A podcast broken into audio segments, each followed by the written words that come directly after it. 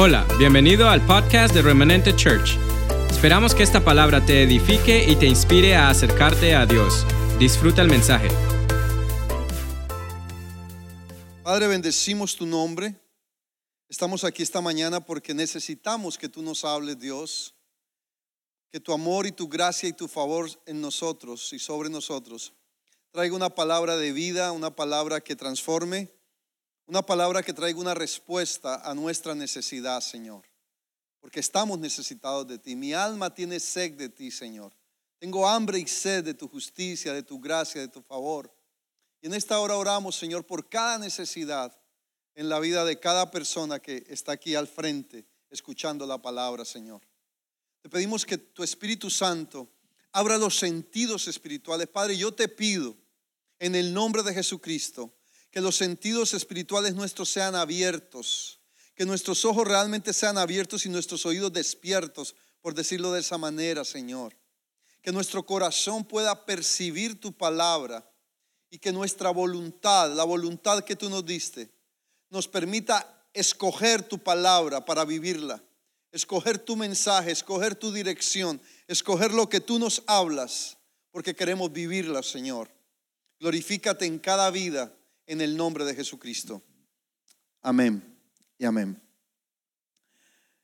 Es importante que entendamos lo que representa en la creación el que fuimos hechos a la imagen de Dios, a la imagen y semejanza de Dios.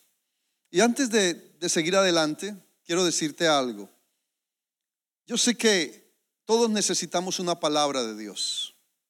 Algunos podemos necesitar una palabra que traiga una respuesta a una necesidad, a un milagro que necesitamos, a una necesidad financiera, a una necesidad de salud, a una necesidad familiar.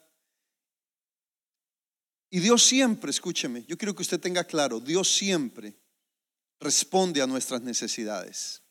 Pero hay algo que está más allá de nuestra necesidad, de lo que necesitamos de Dios en cuanto a lo que Él hace por nosotros y es lo que Dios es en nosotros.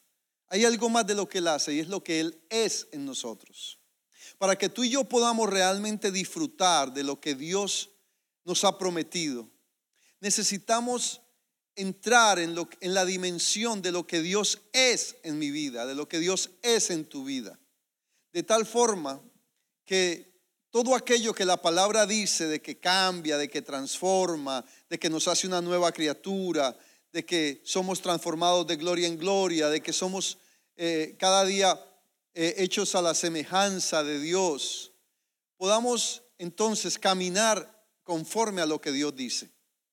Y estos son tiempos donde Dios, y antes de empezar esta palabra quiero decirte esto, está trayendo sobre nuestras vidas una reingeniería, por decirlo de esa forma, una reforma en nuestra vida de que nuestra mente realmente asimile la mente de Cristo, de que nuestro corazón esté alineado con el corazón de Dios, de que lo que vivimos represente lo que realmente somos en Dios, porque Él nos ha transformado.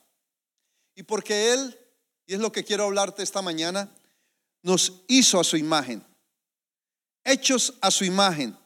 Es importante que entendamos esa, esa expresión porque la humanidad ha ignorado la magnitud de lo que esa expresión contiene, hechos a imagen y semejanza de Dios.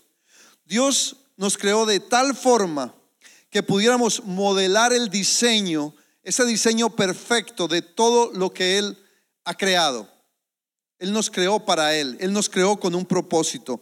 Dios creó al hombre, te creó a ti, me creó a mí, de tal manera, de una manera perfecta, de una manera eterna, que representara la sobrenaturalidad de su creación. Es lo que Dios desde el principio pensó, lo que Dios visualizó, lo que Dios estableció en su corazón, que fuésemos creados a su imagen y a su semejanza. Y esta mañana yo quiero realmente a través de la palabra mostrarte lo que tú verdaderamente, tú y yo somos dentro de esa creación de Dios? ¿Qué representamos al, haber sido creados a la imagen y semejanza de Dios? nos creó de tal manera que pudiéramos tener una comunión, una relación eterna, como una cualidad, digámoslo así, semejante a la de Dios, eterno, relacional. Ahora, ¿qué aconteció en la creación? Yo estoy empezando a plantearte, tan pronto Dios creó el universo, creó un ser que, se, que señoreara, que gobernara su hermosa creación. Y qué mejor que un ser creado a su propia imagen, conforme, dice la palabra, a su semejanza. Entonces, hoy yo quiero que entendamos lo que eso representa. Que esta palabra no solamente te inspire, sino que también te enseñe, te instruya. Ese es el propósito. Porque yo estoy inquieto por algo. Yo le doy gracias a Dios por la palabra que se escucha de todas las maneras. Como nunca lo he dicho y lo he estado repitiendo, la humanidad había recibido tanta palabra como este tiempo. Pero la iglesia del Señor tiene que salirse del contexto del entretenimiento y entrar a la dimensión de la profundidad de la palabra esa profundidad y, no, y cuando hablo de profundidad no hablo de lo complicado, hablo de lo que transforma. Cuando hablo de la profundidad de la palabra es la capacidad que la palabra tiene de penetrar hasta lo más profundo y cambiar todo aquello que tenga que cambiar. Entonces, yo, yo a veces, créame, yo honestamente, yo escucho, no, no duro mucho escuchando algunas prédicas que, que simplemente nos llevan a un estado motivacional, lo cual es bueno en un momento, pero necesitamos este tiempo que dentro de ese propósito de reforma de Dios, de reingeniería de Dios, nos abramos el espacio para penetrar más en la palabra. Ahora, ¿qué aconteció en la creación? Tan pronto Dios creó todo el universo, creó un ser que se señoreara, que gobernara esa hermosa creación que Él estaba poniendo a disposición. Y qué mejor, obvio, que un ser creado a su misma imagen, conforme a su semejanza, como te lo estaba diciendo. Esa palabra imagen ahí, cuando hablamos en, en, Génesis capítulo 1, versículo 26 al 28, ya lo vamos a leer, que dice que imagen es la palabra selem, que quiere decir sombra, semblanza, parecido. Vamos a profundizar un poco más en eso. Y fue por eso que cuando el hombre pecó, se escondió de Dios. Déjeme explicarle esto. Cuando el hombre pecó, se escondió de Dios, cayó, salió de lo que representaba esa sombra de Dios sobre nosotros, sobre él. Esa palabra sombra ahí era como que a donde el hombre iba, la sombra de Dios lo iba cubriendo. Cuando el hombre cayó en pecado, cuando Adán específicamente cayó en pecado, se salió de esa sombra. O sea, se salió de esa semejanza. Se salió de esa cobertura que Dios tenía constantemente sobre él, lo cual hacía que los mismos atributos de Dios, ese atributo eterno, ese atributo de vida de Dios sobre el hombre, lo cubriera todo el tiempo. Pero el hombre salió de ahí. Fue algo así como que, como que se hubiese convertido en otro ser desconectado de lo que Dios quería hacer sobre él, de lo que Dios había creado sobre él. Entonces, vamos a abrir ahora la Biblia, nuestras Biblias. Vamos a abrirla en Génesis capítulo 1 y todos conocemos este versículo. Nunca paramos de, de buscar lo que este versículo contiene, o este pasaje, estos tres versículos de Génesis capítulo 1, versículo 26 contienen. Dice, Génesis capítulo 1, versículo 26. Entonces dijo Dios, o sea, Dios declaró, hagamos al hombre a nuestra imagen conforme a nuestra semejanza. Y señoré en los peces del mar, en las aves de los cielos, en las bestias, en toda la tierra y en todo animal que se arrastra sobre la tierra. Y creó Dios al hombre, ¿de qué manera? a su imagen. Esto es literal. Dios creó al hombre a su imagen, a imagen de Dios lo creó, varón y hembra. ¿Y qué hizo Dios después de que lo creó? Los bendijo y les dijo, fructificad y multiplicaos y llenad la tierra y sojuzgadla y señoread. O sea, le dio toda la capacidad de gobierno, toda la capacidad de autoridad, toda la capacidad de reinar sobre la tierra. De hecho, hay un pasaje que yo menciono mucho, que está en el Salmo 115, 16, que dice, los cielos son los cielos del Señor, pero ha dado la tierra a los hijos de los hombres. Dice, y sojuzgarla y señorean los peces del, en los peces del mar, en las, bueno, en los peces también, en las aves de los cielos y en todas las bestias que se mueven sobre la tierra. Dios nos creó deliberadamente a su imagen y semejanza. Y esto lo hizo desde la eternidad y ha hecho que desde la eternidad sea un parte de un plan que Él había elaborado de antemano, desde la misma eternidad. Dios tenía un plan eterno para el hombre. Y, es necesario que si queremos ser parte y, disfrutar de, de, ese gran proyecto de Dios, entendamos y aceptemos que somos portadores de la naturaleza de Dios, pero que también Él nos ha hecho partícipes de su divinidad. Necesitamos entender esta palabra, tomar esta palabra, ubicarnos y alinearnos con ese propósito eterno de Dios por el cual nos creó.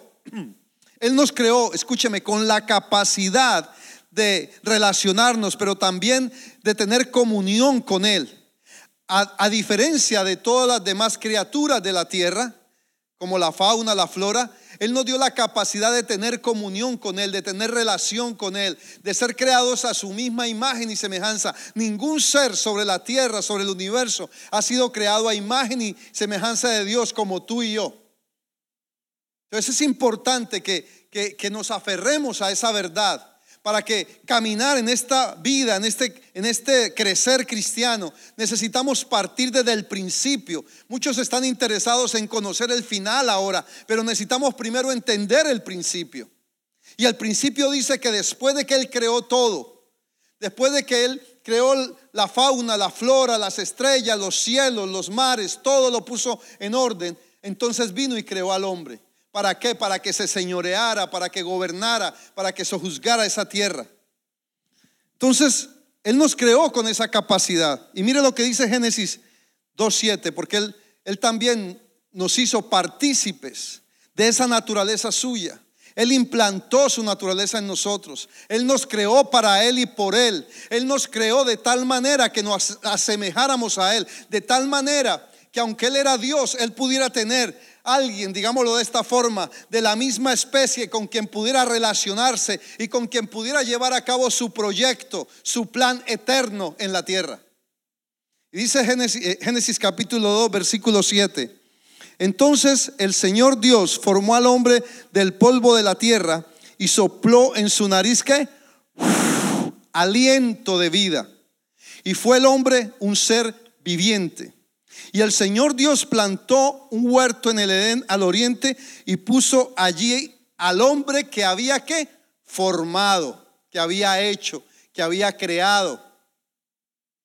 Entonces Dios lo hizo con un propósito, Dios lo hizo deliberadamente, Él sopló. Escúcheme, yo quiero que usted se quede con esto esta mañana, de que usted y yo somos contenedores, estamos hechos de la naturaleza de Dios. La vida que llevamos, la vida que nosotros manifestamos fue provocada por un soplo de Dios. ¿Por qué? Porque Él tomó al hombre de la tierra y, a ese, digámoslo de esta forma como para entenderlo, y a esa criatura de, de barro o a esa forma de barro, dice que sopló y le dio vida. ¿Qué fue lo que le dio vida? ¿Qué es lo que hace que tú y yo tengamos vida? Ese soplo, ese aliento de Dios, esa esencia de Dios. Y tú, y tú y yo como hijos de Dios, como gente que conocemos de Dios. Y aunque tú me estés escuchando y tú no conozcas de Dios, yo quiero que tú sepas que tú contienes, esa vida que contiene vino de Dios. No vino de la evolución, no vino de, de una explosión, no vino del Big Bang, no vino, no vino de Dios. Contenemos la vida de Dios. Y esa, escúchame, y cuando Él dice que somos hechos a imagen y semejanza, que son dos palabras. La una es Elén, que quiere decir hacer sombra, y semejanza, de mut, quiere decir modelar ese diseño, modelar esa creación. Y, para, y dice que también contiene qué forma. Dice que Él nos formó. Somos la imagen y la semejanza de Dios. Tenemos que partir de ahí. Tenemos que entrar en esa dimensión. Si es que queremos activar en nosotros esa naturaleza y caminar por lo que esa naturaleza provoca, produce en ti y en mí. Eso es sencillo, es simple. Yo te lo voy a explicar más adelante. ¿Por qué? Porque Dios quiere y busca que nosotros representemos, modelemos de tal manera que, que, que Él haga sombra sobre nosotros. En otras palabras, Dios busca que el hombre representara, modelara, hiciera sombra de sus diseños en la tierra. Que, que, nosotros seamos lo que Él es, que nosotros hagamos lo que Él hace y que esa naturaleza eterna en nosotros se manifieste cada día para que podamos llevar a cabo su proyecto sobre la tierra, su diseño. Y aunque Adán rompió esa comunión y esa relación, afectó ese diseño, afectó esa naturaleza y decidió, escúcheme, entregarle al enemigo ese dominio. Entonces, ¿qué sucedió? Dios nos entregó un diseño, Dios nos creó para modelarlo, Dios hizo, quería y quiere que nosotros señoreamos sobre la tierra, sobre todo lo que Él había creado. Pero vino Adán y falló, cayó, se apartó de esa sombra. Porque dice que al ser hechos a imagen, lo que hizo fue poner su sombra sobre nosotros. La palabra Selén. Pero Adán, al, al apartarse de esa sombra, quedó a expensas del enemigo, le entregó ese derecho al enemigo. ¿Y qué sucedió? Se afectó el modelo, pero no se afectó el diseño. Dios conservó el diseño. Y como conservó el diseño, ¿qué sucedió? Hizo que otro hombre, Jesucristo, lo viniera a restaurar. Estoy haciéndote, llevándote de la mano. Y váyase un momentico a Primera de Corintios, capítulo 15, porque lo explica bien ahí.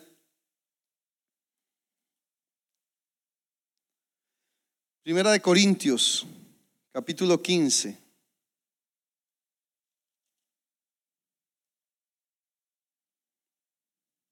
Versículo 21 y 22.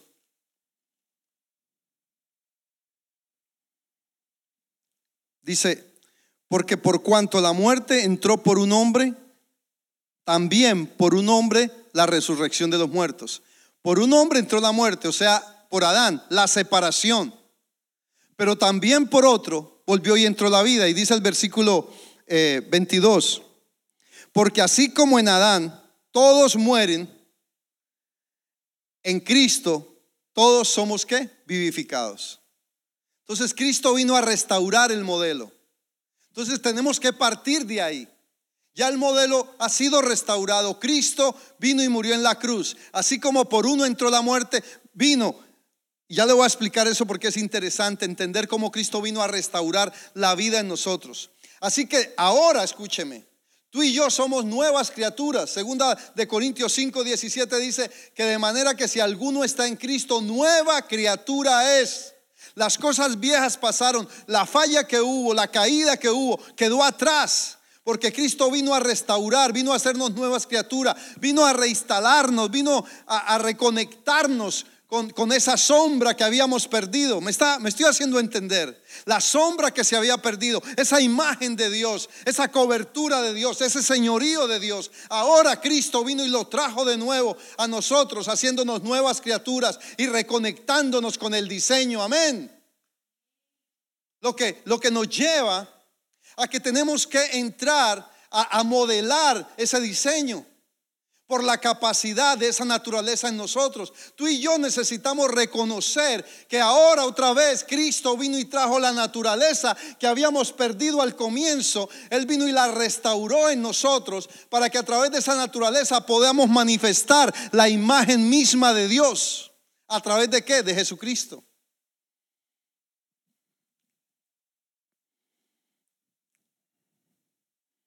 Fuimos restaurados. Y otra vez el diseño fue liberado a través de Cristo sobre la tierra.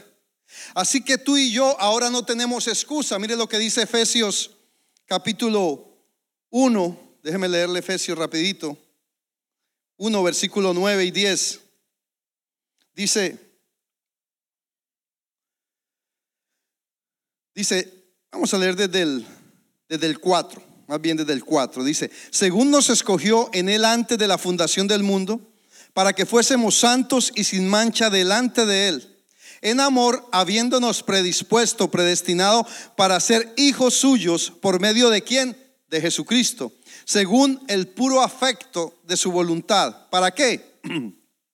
para alabanza de la gloria de su gracia, por las cual nos hizo aceptos en el amado, sea, en Cristo, en quien tenemos redención por su sangre, el perdón de pecados según la riqueza de su gracia que hizo sobreabundar para con nosotros en toda sabiduría e inteligencia, dándonos a conocer el misterio de su voluntad según su beneplácito, el cual se había propuesto en sí mismo desde el principio, de reunir todas las cosas en Cristo en la dispensación del cumplimiento de los tiempos, así las que están en los cielos como las que están en la tierra. ¿Qué nos quiere decir este pasaje? Que Él, todo lo que se había disperso a causa de la caída, a causa del pecado, ahora lo ha reunido en Cristo. Él volvió y recogió todo ese propósito. Él volvió y tomó el diseño para que nosotros lo modelemos a través de Cristo. Y en Cristo vino y trajo todo aquello que se había perdido y reunió todo lo que se había desconectado con los cielos y con la tierra. Y ahora podemos modelar. Así que no tenemos excusa. Tenemos diseño, lo que somos en Cristo. Mire lo que dice Colosenses 1:27. Déjeme leerle aquí porque la palabra... Cuatro cosas quiero hablarte que pasaron ahí, en Cristo. Nos dio diseño, nos dio modelo, nos dio eternidad y nos dio naturaleza. Mire lo que dice Colosenses 1:27. A quienes Dios quiso dar a conocer la riqueza de la gloria de este misterio entre los gentiles, que es en Cristo, que es Cristo en vosotros, la esperanza de gloria. Cristo en nosotros. Somos Cristo en nosotros. Eso somos. Somos Cristo en nosotros. O sea, tenemos diseño. El diseño tiene que ver con lo que somos. Somos de acuerdo a la naturaleza de Dios. De ahí parte el diseño. Él es el generador. Él, es quien provoca el diseño. De su esencia sale el diseño. Y entonces somos en Cristo parte de ese diseño. Lo segundo es la capacidad de modelarlo. Dice que fuimos hechos, Efesios capítulo 2, versículo 10 dice que fuimos creados para buenas obras, o sea, modelar tenemos que modelar ese diseño a través de lo que hacemos. Somos el diseño, somos en, Dios. Somos partícipes del diseño. Él implantó el diseño en nosotros, su esencia. Él sopló, pero también nos dio la capacidad de modelar su diseño. ¿A través de qué? De las buenas obras, a través de, la, de, lo que, de lo que hacemos en Él y para Él y para otros. Lo otro es que puso eternidad en nuestras vidas. Eclesiastés capítulo 3 versículo 11 dice que Él ha puesto eternidad en nosotros. Entonces usted ve, todo fue restaurado, el diseño fue restaurado, el modelo, estamos en la capacidad de, de ejecutarlo. Luego nos dio eternidad y lo otro que nos ha dado es naturaleza. Segunda de Pedro capítulo 1 versículo 4 dice que nos ha hecho partícipe de la naturaleza divina de Dios. Pero también dice Génesis capítulo 2, versículo 7, que Él sopló su nechamá, su, su aliento, su esencia, su naturaleza, su contenido, su, su, su, digamos, míralo de esta manera, su química, su genética, su ADN. Todo eso lo depositó en nosotros cuando sopló vida sobre nuestras vidas. La vida, otra vez, la vida que tú y yo tenemos es a causa de que Él sopló entonces necesitamos esa estructura en nosotros. Cuando hablamos de que Dios quiere una reingeniería en nuestra vida, necesitamos esa estructura en nosotros.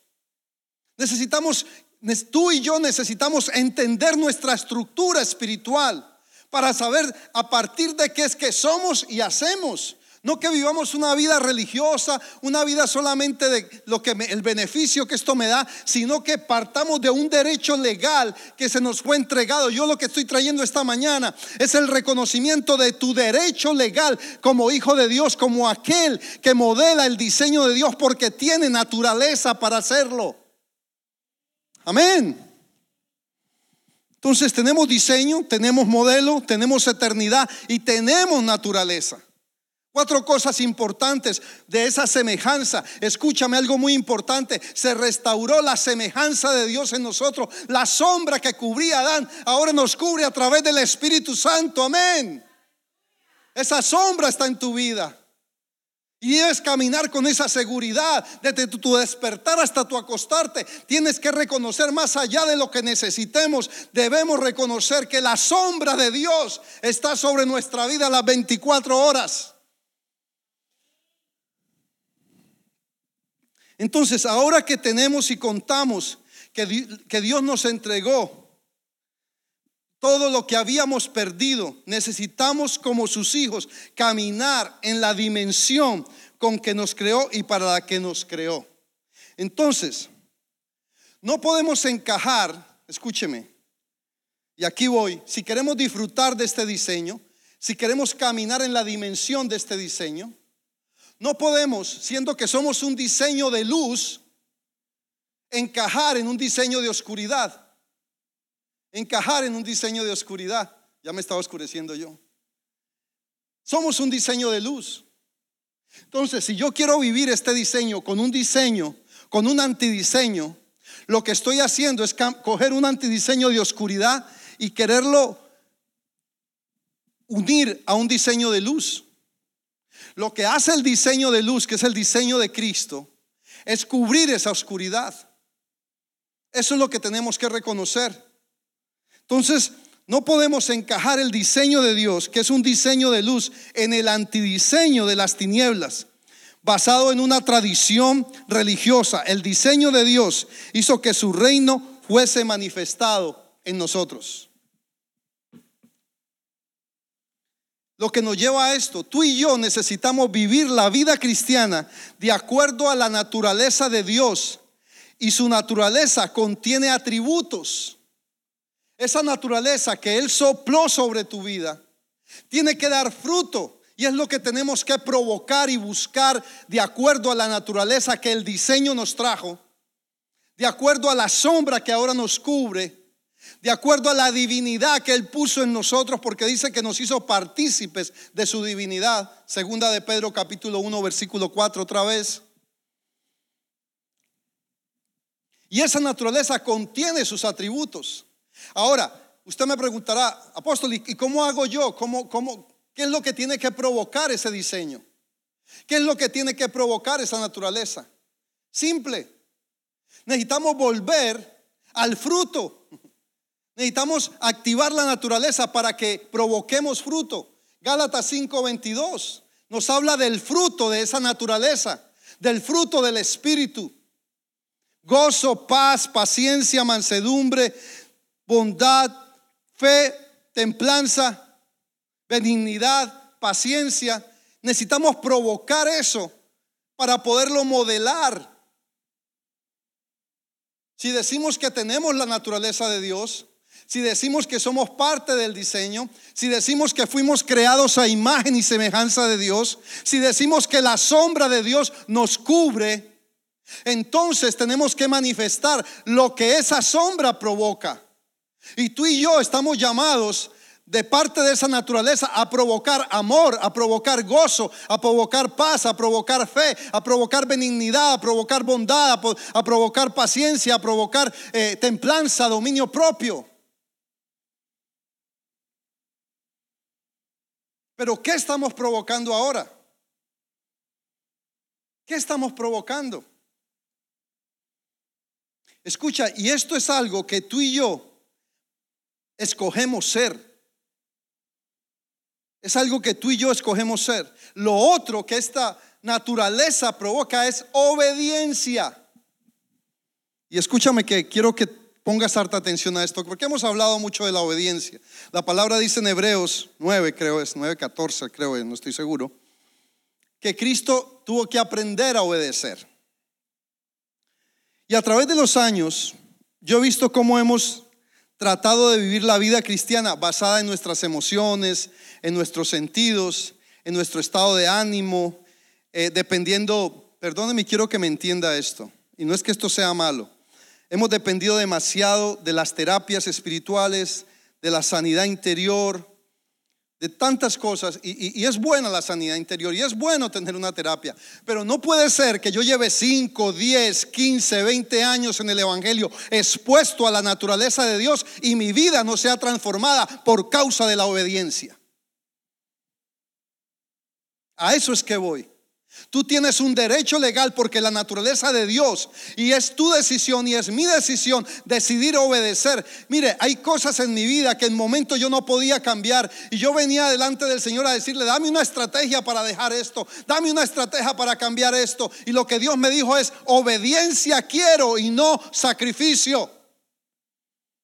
A veces nos hemos sometido a muchos sacrificios.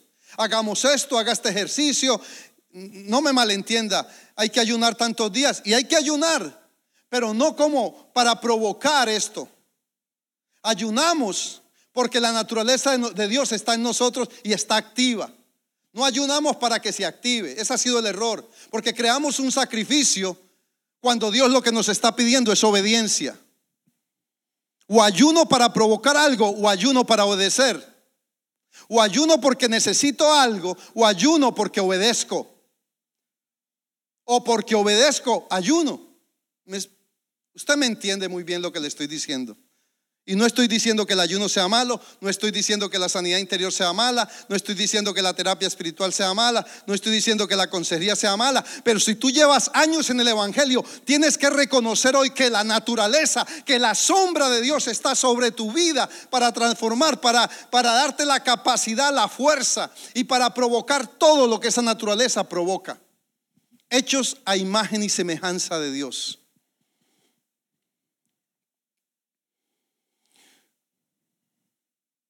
Dios ya no quiere sacrificios. Cristo, si usted lee Hebreos capítulo 1, versículo 1 al 10, le va a explicar cómo los sacrificios ya cesaron, cómo los sacrificios ya terminaron, porque hubo un sacrificio agradable a Dios, que fue el sacrificio de Cristo. Entonces, entendiendo esto, entendiendo que tenemos diseño, entendiendo que lo podemos modelar, entendiendo que tenemos eternidad en nosotros, entendiendo que, que la naturaleza de Dios está en mi vida y está en tu vida, ¿qué voy a hacer con ello?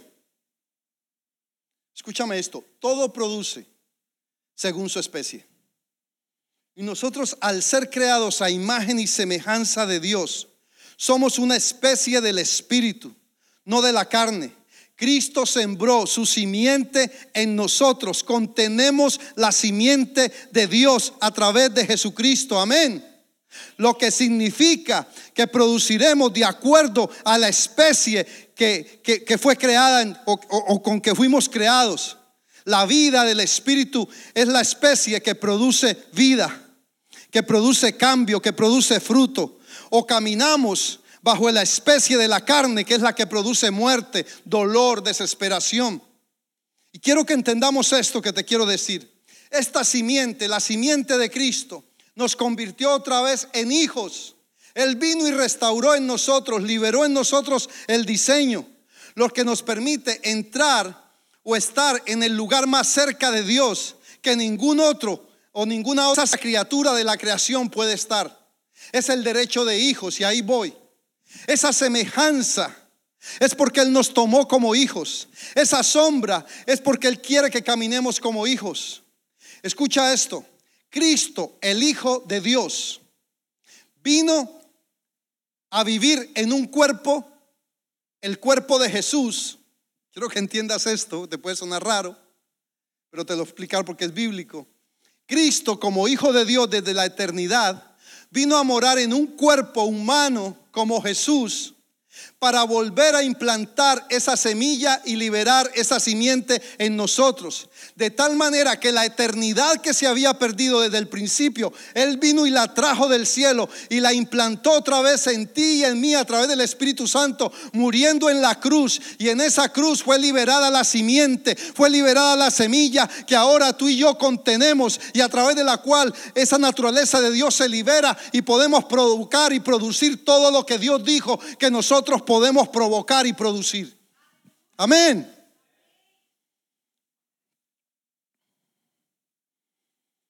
Él vino en forma de simiente. Juan 12 lo dice que si el, que si el grano no cae en tierra y muere, queda solo pero si muere lleva mucho fruto. Y eso fue lo que hizo Él en la cruz. Él hizo que esa semilla muriera para que diera mucho fruto y la implantó en ti, y la implantó en mí, y la implantó en su pueblo, en su iglesia, para que pudiera provocar la vida que hoy podemos vivir, provocando de la misma manera el poder del Espíritu Santo obrando en nuestra vida. Me perdí.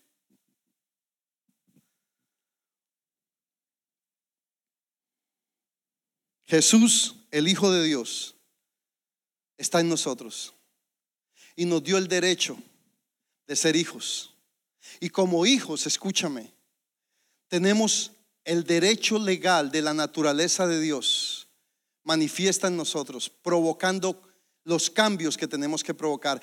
esta palabra tiene el propósito de que tú te aferres a esa semejanza de Dios, a que reconozcas que la sombra de Dios, el selén de Dios, la imagen de Dios que cubría a Adán allá en el Edén, ahora te cubre ahora en la tierra, donde quiera que vayas, a través del Espíritu Santo de Dios y hace que en ti se active la naturaleza que tú contienes, que produce gozo, que produce libertad, que produce autoridad, que produce cambio, que hace que tú camines en obediencia, que hace que tú seas un ser eterno, que haces que la naturaleza de Dios se active en ti, que hace que modeles ese diseño que Dios implantó en tu vida a, a través de la obediencia. Amén.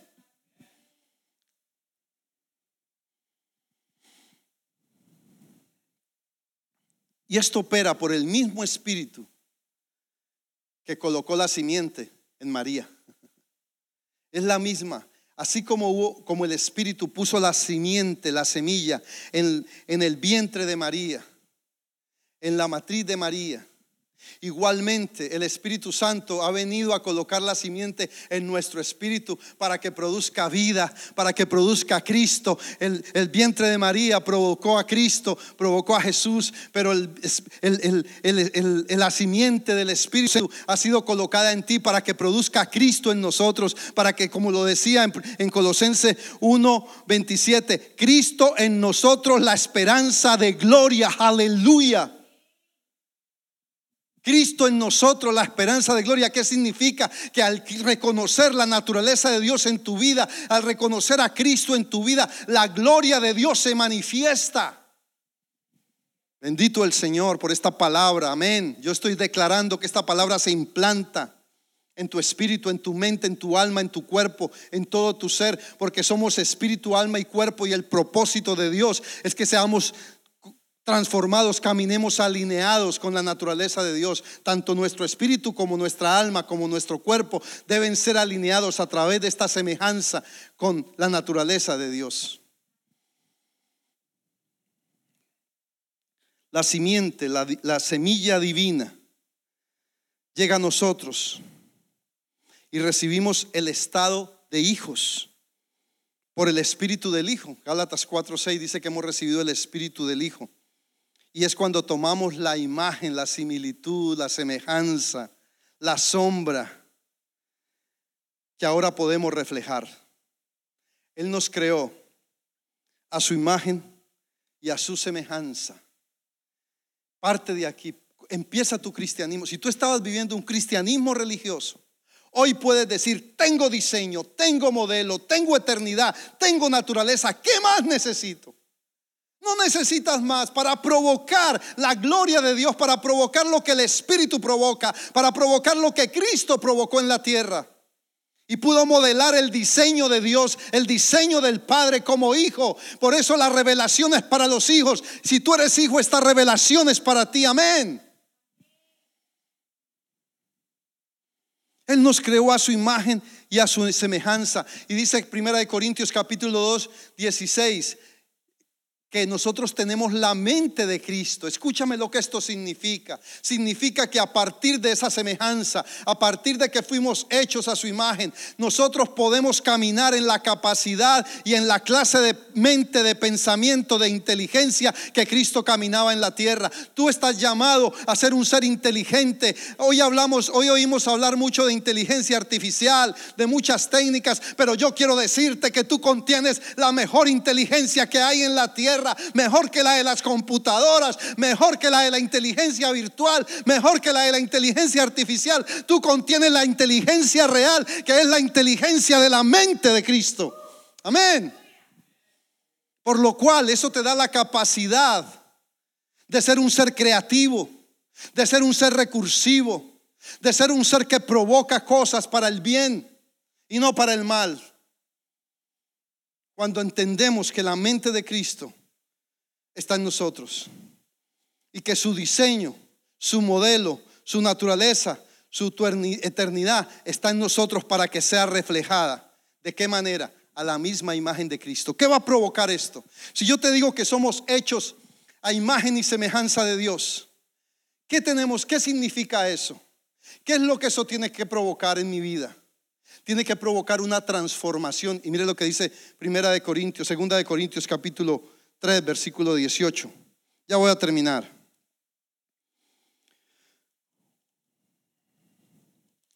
Segunda de Corintios, capítulo 3, versículo 18.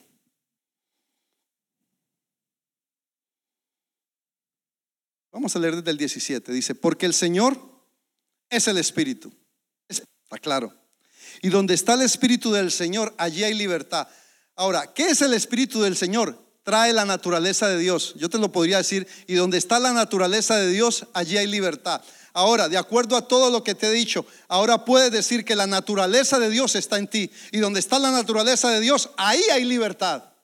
Por lo tanto, la naturaleza, el diseño, el poder, la gloria de Dios en tu vida, la eternidad de Dios, tiene que provocar libertad en ti y en mí. Amén libres de dolor, libres de traumas, libres de rencor, libres del pasado, libres de la desesperanza, libres de la dificultad, libres de la necesidad, porque en Él estamos completos y hay que liberar ese estado en nosotros a través de la naturaleza, de la semejanza, porque tú y yo fuimos hechos a imagen y semejanza de Dios. Pero mire lo que dice aquí, no he terminado. Por tanto, nosotros, ¿quiénes nosotros? Todos, todos, todos, todos mirando a cara descubierta, como en un espejo, la gloria del Señor. Escúchame, lo que no podían hacer en el pasado, o Abraham, o Moisés, o quien fuese, ahora nosotros podemos estar, porque él tenía que ponerse un velo, ahora nosotros podemos estar a cara descubierta, como en un espejo. ¿Para qué? Para ser transformados de gloria en gloria, a la misma, escucha, a la misma, diga conmigo, a la misma a la misma, a la misma imagen como por el Espíritu del Señor. Otra vez.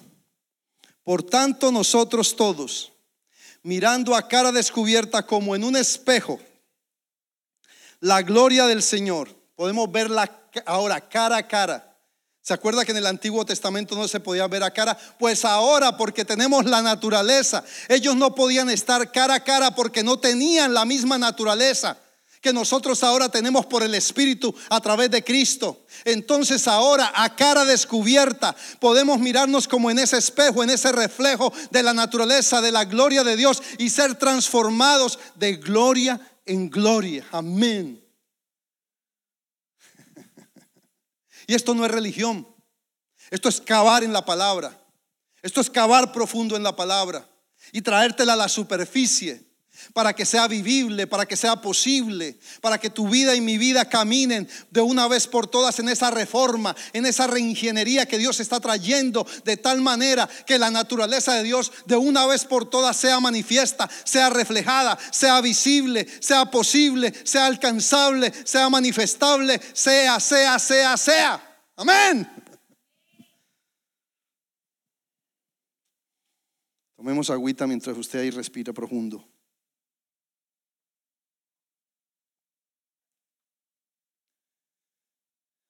Hechos a imagen y semejanza de Dios.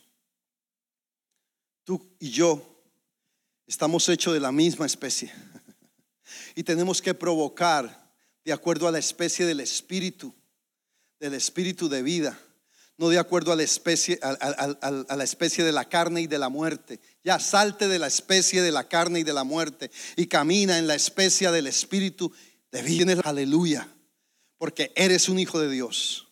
Tienes diseño, tienes la capacidad de modelar, tienes eternidad y tienes naturaleza.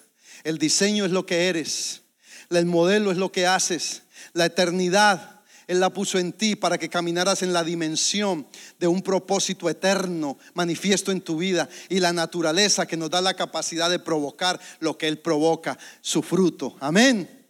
Eso somos. Eso somos. ¿Y cómo lo hago? Obedeciendo.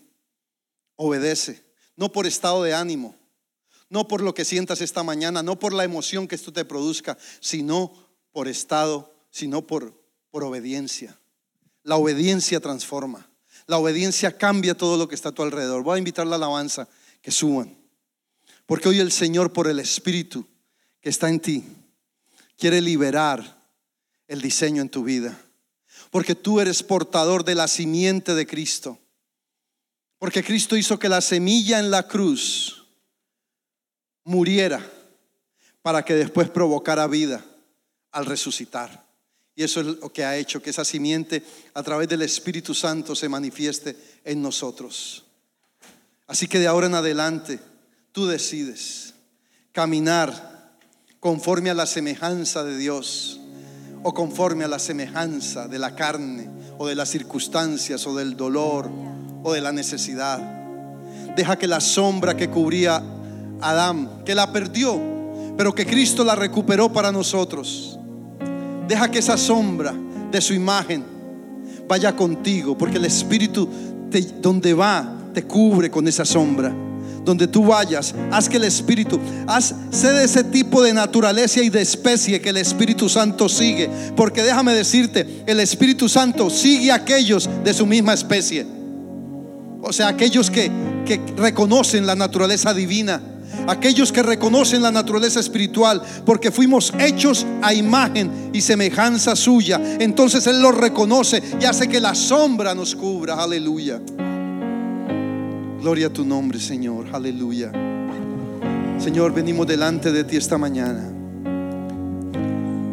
reconociendo que nos hiciste, que nos creaste a imagen y semejanza tuya. Pídale al Señor ahí donde está.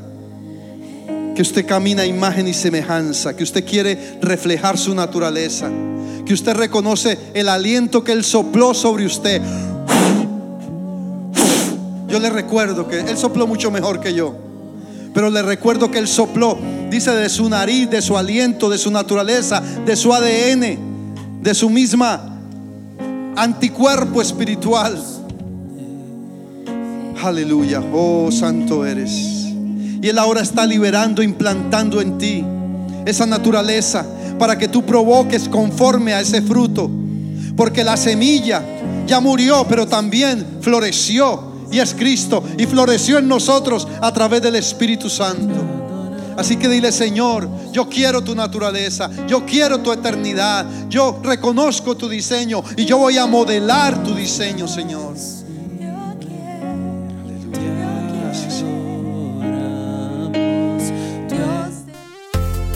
Esperamos que este mensaje haya sido de bendición. No te olvides de suscribirte a nuestro podcast y seguirnos en Facebook e Instagram arroba remanente church.